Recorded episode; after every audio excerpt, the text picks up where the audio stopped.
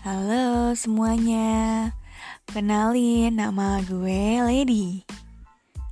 Alasan gue mau bikin podcast adalah karena gue kurang 20 ribu kata per hari selama jadi peneliti di salah satu kementerian teknis pemerintahan.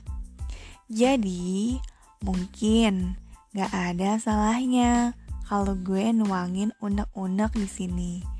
Siapa tahu nemuin orang-orang yang sefrekuensi. Stay tune ya. Thank you.